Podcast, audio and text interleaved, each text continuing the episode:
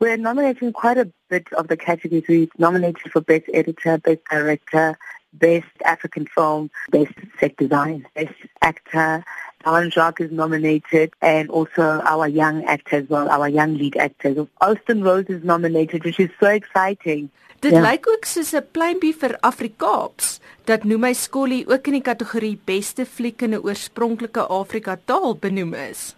Well, it's really exciting for us because when we made the film, we never expected it to do as well as it has.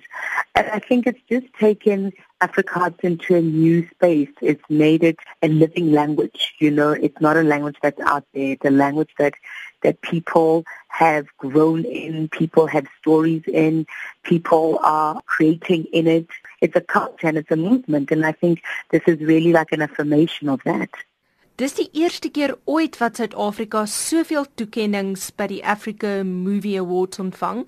Dink jy mense reg oor die Afrika filmbedryf begin nou ons land vir eerste keer raak te sien? For me what's really exciting is that we're becoming part of Africa. I think we've always seen ourselves as not part of Africa. And I think our films are beginning to say our stories have as much validity on the continent as they have a validity anywhere else. It's like a really a big stamp of approval and it means that we can go anywhere from here. You know, when Africa affirms us, then we can guard into the world and really fly.